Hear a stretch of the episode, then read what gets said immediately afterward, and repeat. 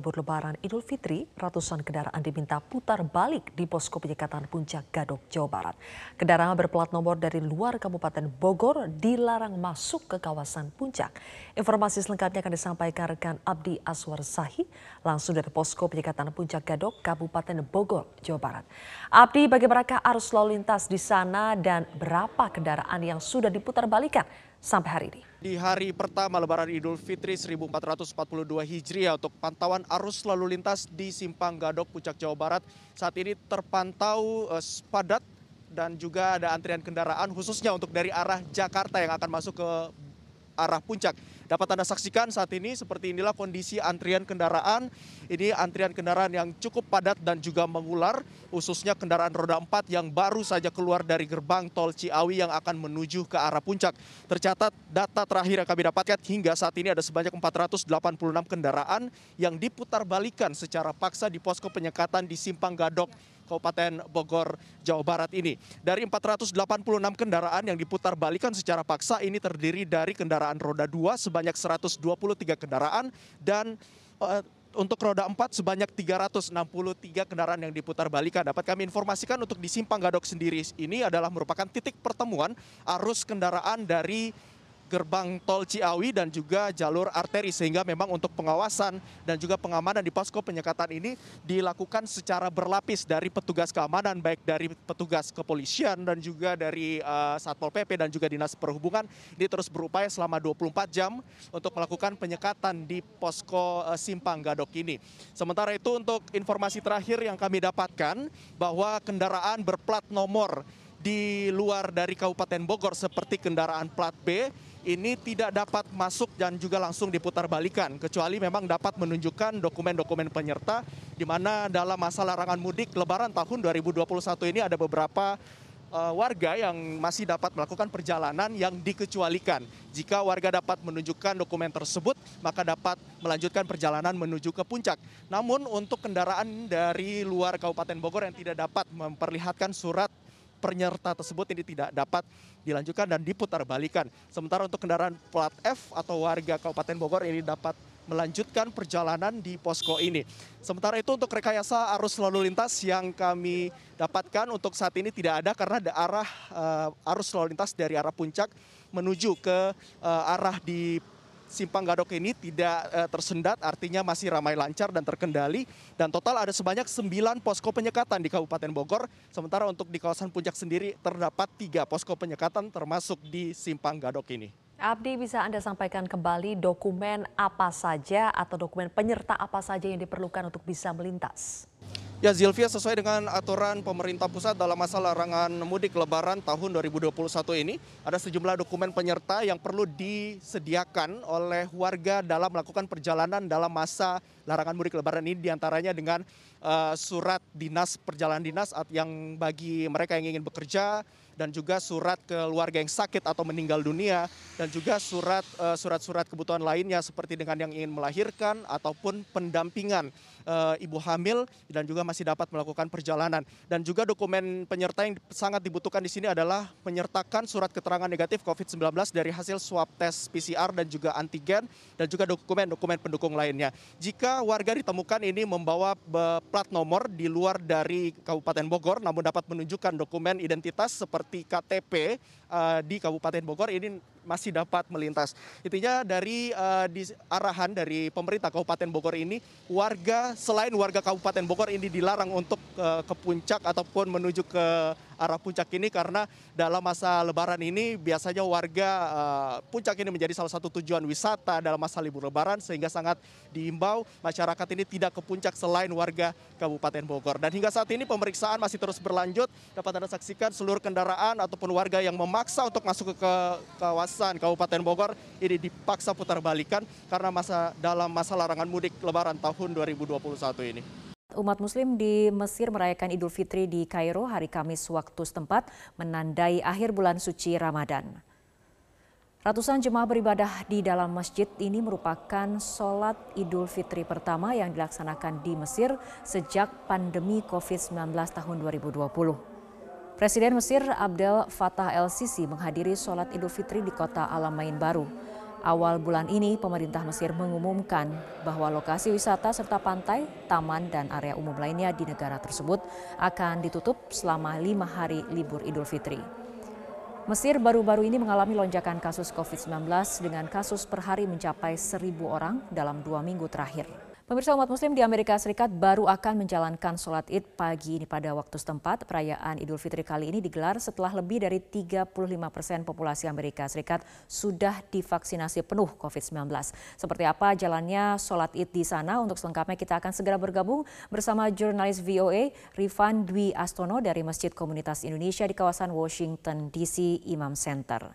Rifan, apa yang berbeda dari sholat Idul Fitri di sana untuk kali ini? Fitri sholat id tahun ini yang jelas berbeda karena bisa dilakukan bersama-sama tatap muka di masjid, di mana kalau misalnya Anda bisa lihat di belakang saya, jamaah sudah mulai memasuki masjid, di depan saya juga ada satu pintu lainnya untuk para uh, muslimah yang mau menjalankan sholat id untuk masuk, tapi memang yang juga berbeda tahun ini dan mungkin dari tahun-tahun sebelum pandemi adalah untuk masuk ke dalam masjid sendiri ada protokol yang harus diikuti untuk me, uh, untuk menghindari perbakan virus corona mulai dari dicek suhu badannya, kemudian juga jamaah disarankan diwajibkan bukan disarankan lagi untuk membawa sejadah sendiri dari rumah masing-masing sudah berwudu dari rumah, kemudian juga nanti di dalam harus menjaga jarak dari satu sama lain dan tentunya juga masyarakat diminta untuk tidak berkumpul atau nongkrong lah istilahnya setelah sholat id berlangsung nanti. Jadi nanti setelah sholat id mereka diminta untuk segera meninggalkan masjid karena memang selain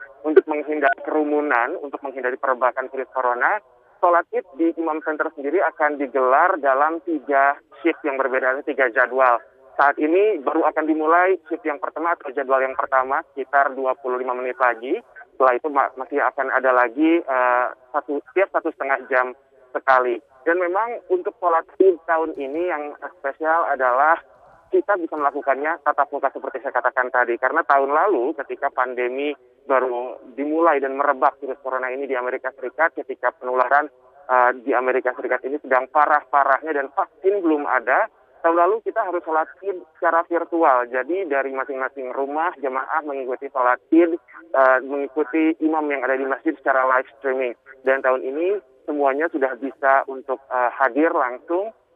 Meskipun tentunya masih ada kekhawatiran adanya perombakan virus corona, tapi itu tadi ada protokol kesehatan yang harus tetap dipatuhi seperti memakai masker juga. Dan tidak seperti taraweh sebulan terakhir ini di mana yang diperbolehkan untuk hadir dan mengikuti sholat berjamaah di masjid hanya uh, jamaah pria. Untuk menghindari perbakan itu tadi karena kapasitasnya terbatas kali ini karena digelar dalam tiga shift yang berbeda jamaah perempuan dan juga anak-anak pun dipersilakan untuk hadir dan tadi memang digelar untuk mengantisipasi kapasitas dan antusiasme jamaah tentunya juga untuk uh, tetap bisa memperlakukan peraturan jarak uh, jaga jarak sosial Fitri. Rifan, bagaimana dengan acara halal bihalal ataupun saling bersilaturahmi? Apakah hal ini juga sudah bisa dilakukan? Ya Fitri, ini acara halal bihalal tahun ini mungkin masih tetap tidak akan dilakukan uh, secara tradisional seperti tahun-tahun sebelum pandemi terjadi, di mana biasanya masyarakat bisa langsung uh, berdekatan, bertatap muka, bersalaman secara fisik. Kali ini masyarakat akan dipersilakan untuk melakukan halal bihalal secara drive-thru atau lantatur, layanan tanpa turun. Tapi ini juga diselenggarakan di hari yang terpisah dari hari Id. Jadi nanti akan digelar uh, di hari Minggu tanggal 16 Mei. Uh, jamaah dipersilakan untuk datang mengendarai mobil masing-masing bersama keluarga untuk bersilaturahim dengan sesama jamaah yang ada di Masjid Imam Center ini meskipun tidak uh, harus turun dari mobil. Dan yang spesial untuk tetap uh, menyemarakkan suasana lebaran ini halal bihalal nanti akan digelar dengan berbagai acara, ada booth-booth tertentu, ada acara fun games untuk anak-anak, ada pembagian makanan lebaran gratis, kemudian juga ada foto booth untuk keluarga dan bahkan uh, jemaah juga dipersilakan untuk mengikuti kompetisi foto keluarga yang unik dan lain sebagainya dan ini memang digelar agar suasana kemeriahan lebaran ini tetap terasa di tengah suasana yang terbatas di tengah keprihatinan ini. Namun tentunya di luar acara halal bihalal yang digelar oleh uh, Masjid Imam Center sendiri, masyarakat sebetulnya memang uh, bisa melakukan silaturahim langsung mengunjungi uh, rumah keluarga yang lainnya selama mereka sudah divaksinasi. Dan ini merupakan peraturan yang baru dikeluarkan oleh CDC. CDC adalah Pusat uh, Pencegahan dan Pengendalian Penyakit Amerika Serikat. Uh, CDC ini baru mengeluarkan peraturan baru April lalu, di mana masyarakat yang sudah divaksinasi penuh, mereka dipersilakan untuk mengunjungi rumah orang lain, rumah keluarga lain yang memang keluarga lain ini juga sudah divaksinasi penuh, bisa berkumpul dalam ruangan tanpa mengenakan masker dan juga tanpa menjaga jarak sosial. Ini tentunya merupakan satu kabar yang baik, terutama di tengah suasana silaturahim lebaran yang diharapkan bisa lebih terasa uh, hikmat dan juga bisa terasa lebih nyata, tidak seperti virtual yang kita lakukan selama setahun terakhir. Dan Nanti kita akan cari tahu apakah jemaah yang ada di Washington DC punya rencana untuk melakukan kunjungan ke rumah uh, keluarga lainnya untuk saling uh, halal bihalal bersilaturahim, terutama mereka yang sudah divaksinasi atau tidak, Fitri. Ya, untuk Gedung Putih sendiri, apakah menggelar acara khusus selama bulan Ramadan ataupun Idul Fitri kali ini? Dari Gedung Putih sendiri, Presiden Joe Biden dan Kamala Harris direncanakan akan menggelar sebuah acara Id yang digelar secara virtual tetap tidak bisa digelar secara langsung tatap wajah di gedung putihnya, tapi rencananya acara um, Idul Fitri secara virtual ini akan digelar nanti di tanggal 16 Mei dan ini terbuka untuk umum. Kalau biasanya Biden, uh, Presiden Amerika Serikat ini menggelar semacam acara buka bersama dan juga perayaan Idul Fitri langsung di Gedung Putih. Nah, selama pandemi ini memang tidak bisa dilakukan. Dan kalau misalnya kita lihat tahun lalu ketika presidennya masih Presiden Trump, hal ini juga tidak bisa dilakukan karena memang uh, masih pandemi dan belum ada vaksin kala itu. Tapi Presiden Joe Biden dan juga Wapres Kamala Harris sudah berjanji. Nah ini komitmennya semoga tahun depan kalau misalnya pandemi sudah reda dan vaksina, tingkat vaksinasi di Amerika Serikat sudah lebih baik lagi, acara iftar atau buka bersama di Gedung Putih dan juga perayaan Id ini bisa diselenggarakan secara langsung di Gedung Ya, yang sini juga mengundang Duta Besar Republik Indonesia juga, Fitri. Pemirsa di tengah pandemi COVID-19, Kepala Negara juga melaksanakan sholat id secara terbatas. Presiden Joko Widodo menunaikan sholat id di Istana Kepresidenan Bogor, Jawa Barat. Sementara Wakil Presiden Kiai Haji Ma'ruf Amin melaksanakannya di pendopo kediaman resmi Wapres di Jakarta. Presiden Joko Widodo dan Ibu Negara Iriana mulai melaksanakan sholat Idul Fitri pada pukul 6 lebih 36 menit waktu Indonesia Barat di halaman gedung Induk Istana Kepresidenan Bogor. Bertindak sebagai imam sholat Idul Fitri, Serda Ridwan Payopo yang sehari-hari bertugas sebagai anggota tim Pampriden 1 Grup A Pas Pampres. Setelah selesai pada pukul 7 lebih 2 menit waktu Indonesia Barat, Kepala Negara dan Ibu Negara kembali ke Wisma Bayudini untuk menjalani aktivitas di Hari Raya Idul Fitri. Seperti tahun sebelumnya, Presiden tidak melakukan open house atau gelar gria guna mencegah penularan COVID-19. Sementara itu, Wakil Presiden Kiai Haji Maruf Amin melaksanakan sholat Idul Fitri di pendopo kediaman resmi Wapres di Jalan Diponegoro, Jakarta Sholat dimulai pukul 7 pagi dan hanya diikuti oleh jemaah dalam jumlah yang terbatas. Sama dengan Presiden Jokowi, Wakil Presiden juga tidak melaksanakan kegiatan open house. Hal ini sejalan dengan surat edaran Mendagri tentang pembatasan kegiatan buka puasa bersama pada bulan Ramadan dan pelarangan open house serta halal bihalal pada Hari Raya Idul Fitri 1442 Hijriah.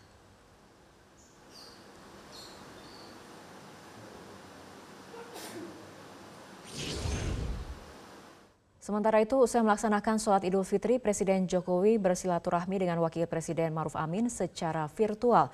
Presiden sempat curhat karena lebaran tahun ini ia tidak ditemani oleh anaknya. Halo, Assalamualaikum. Pak Wapres dan Bu Wuri mengaturkan selamat Hari Raya Idul Fitri. Mohon maaf lahir dan batin. Sama-sama Pak Presiden, sama Ibu. Kami minta maaf lahir batin, nul aidin, nul faizin. Ibu negara, saya mengucapkan selamat Idul Fitri. Mohon maaf lahir dan batin, Ibu. Bapak, mohon maaf lahir batin.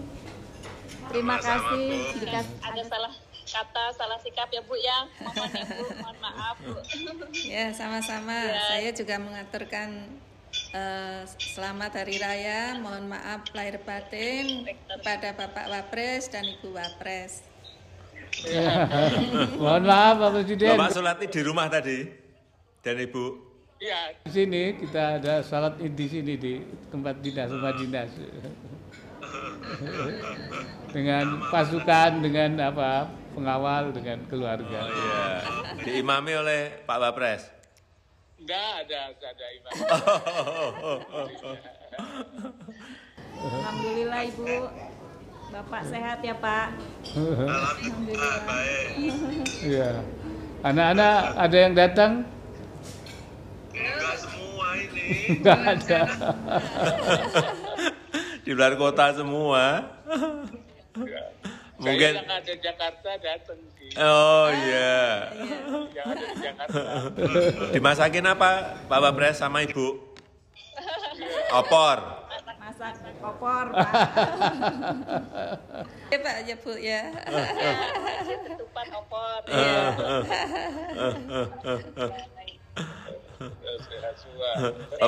Ya, Bu Negara sehat. Amin, Amin. amin, amin. Ya. Pak Wapres Ibu. Terima kasih, terima kasih. Ya, terima kasih Pak. Ya. Sama-sama. Salam buat keluarga Ya. Bapak Presiden, Ibu Negara. Salam buat Keluarga besar. Ye. Hadirin. Terima kasih, terima kasih. Assalamualaikum. Salam.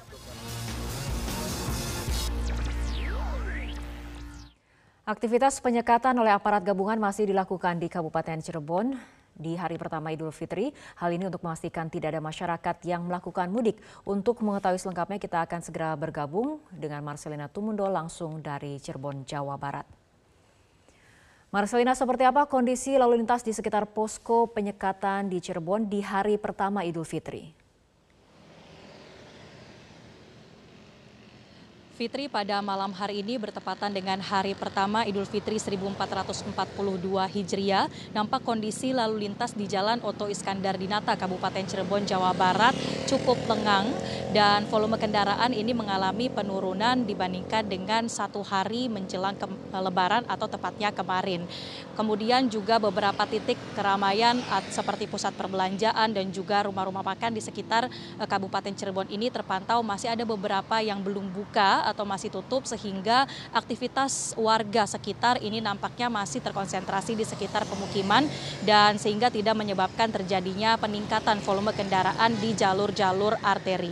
Meskipun kondisi lalu lintas terpantau lengang, dari pihak aparat gabungan yang berada di lapangan ini juga masih melakukan aktivitas penyekatan di beberapa titik khususnya di Kabupaten Cirebon ini. Seperti di tempat kami melaporkan saat ini yaitu di posko penyekatan Weru Kabupaten Cirebon. Sore hari tadi aparat gabungan sempat melakukan uh, operasi untuk memantau apakah terdapat kendaraan uh, yang bernomor polisi dari luar kota atau Kabupaten Cirebon yang akan diberikan penindakan uh, untuk diminta putar balik jika kemudian diketahui niatan dari pengendara tersebut adalah untuk melakukan mudik khususnya ke arah timur Pulau Jawa melalui jalur arteri non-tol ini.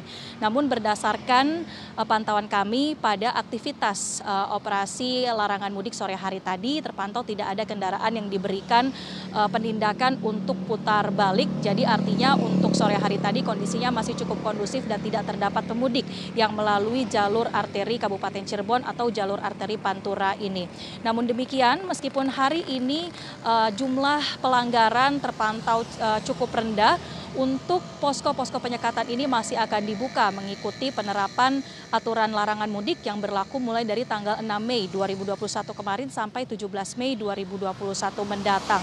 Dan petugas di lapangan juga uh, ini akan terus berjaga khususnya pada malam hari karena diprediksi di malam harilah uh, kebanyakan para pengendara atau masyarakat ini ya terutama mereka yang hendak mudik akan uh, meningkat jumlahnya sehingga posko-posko penyekatan ini akan tetap disiagakan selama 24 jam. Demikian Fitri.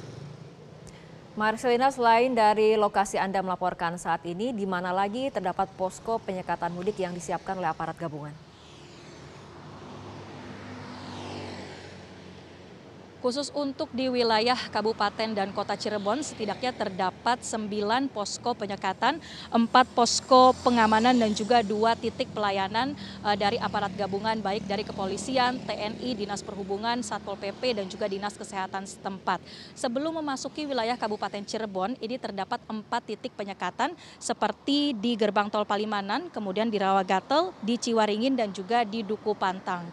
Khusus untuk di Gerbang Tol Palimanan, tadi kami sempat memantau kondisinya pada sore hari, lalu lintas terpantau lengang dan kendaraan juga ini dapat melintas dengan uh, kecepatan maksimal yaitu 100 km per jam. Kemudian dari pihak pengelola tol Cipali juga tadi memberikan data bahwa untuk uh, hari ini ini terpantau uh, terdapat penurunan jumlah kendaraan yang cukup signifikan dibandingkan dengan beberapa hari sebelumnya. Di tanggal 12 Mei saja atau H-1 Lebaran ini sudah ada sekitar 60 uh, penurunan jumlah kendaraan mencapai 62 persen, di mana kondisinya jumlah kendaraan pada H-1 Lebaran uh, hanya sekitar 12 ribu kendaraan yang melintas di gerbang tol Palimanan. Untuk ke depannya memang belum bisa diprediksi apakah akan terjadi peningkatan atau uh, akan cenderung stabil, uh, mengingat dengan adanya aturan larangan mudik yang masih diterapkan sampai dengan tanggal 17 Mei. Selain empat titik penyekatan yang berada sebelum memasuki Kabupaten Cirebon, ini juga ada uh, titik penyekatan lainnya seperti di Ciperna, Kanci, Losari, dan juga di Weru tempat kami melaporkan saat ini.